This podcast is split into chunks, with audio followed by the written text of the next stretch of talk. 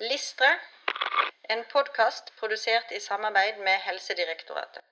ALM 023 har god kunnskap om forekomst av symptomer og sykdommer i en uselektert populasjon.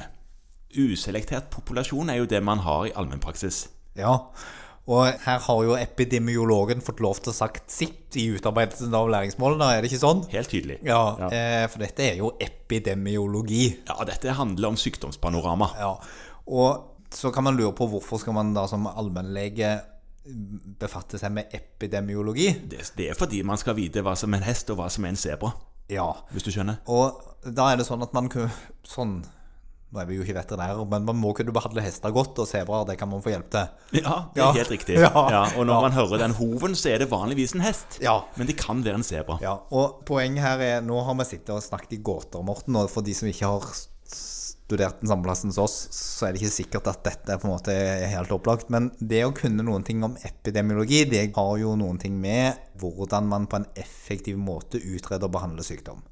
Altså at når noe er vanlig og relativt ufarlig, eller noe er sjeldent og svært farlig, hvordan man forholder seg til det i en travel praksis. Pretest-sannsynlighet.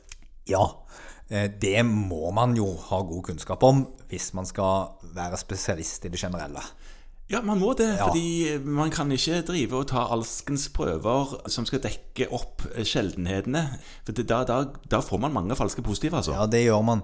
Den, og den eneste måten å lære seg dette på, det kan man ikke lese i en bok, tror jeg. Man kan det òg, og man kan sikkert kurse seg i det, men, men det her er det praksis og erfaring og veiledning underveis som vil hjelpe. Eh, Man må skaffe seg erfaring med hvordan epidemiologien er. Ja, og hvordan gjør man det? Man sitter vel kanskje og erfarer det på kontoret? Det er jo en av grunnene til at man må jobbe, Ja. og at man må jobbe under veiledning.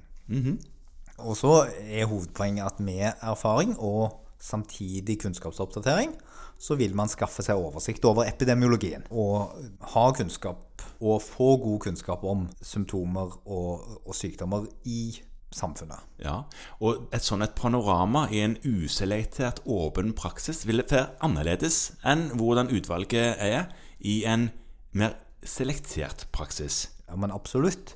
Eh, Så derfor skal man også ha erfaring i dette, og man skal drøfte hvordan man forholder seg til det.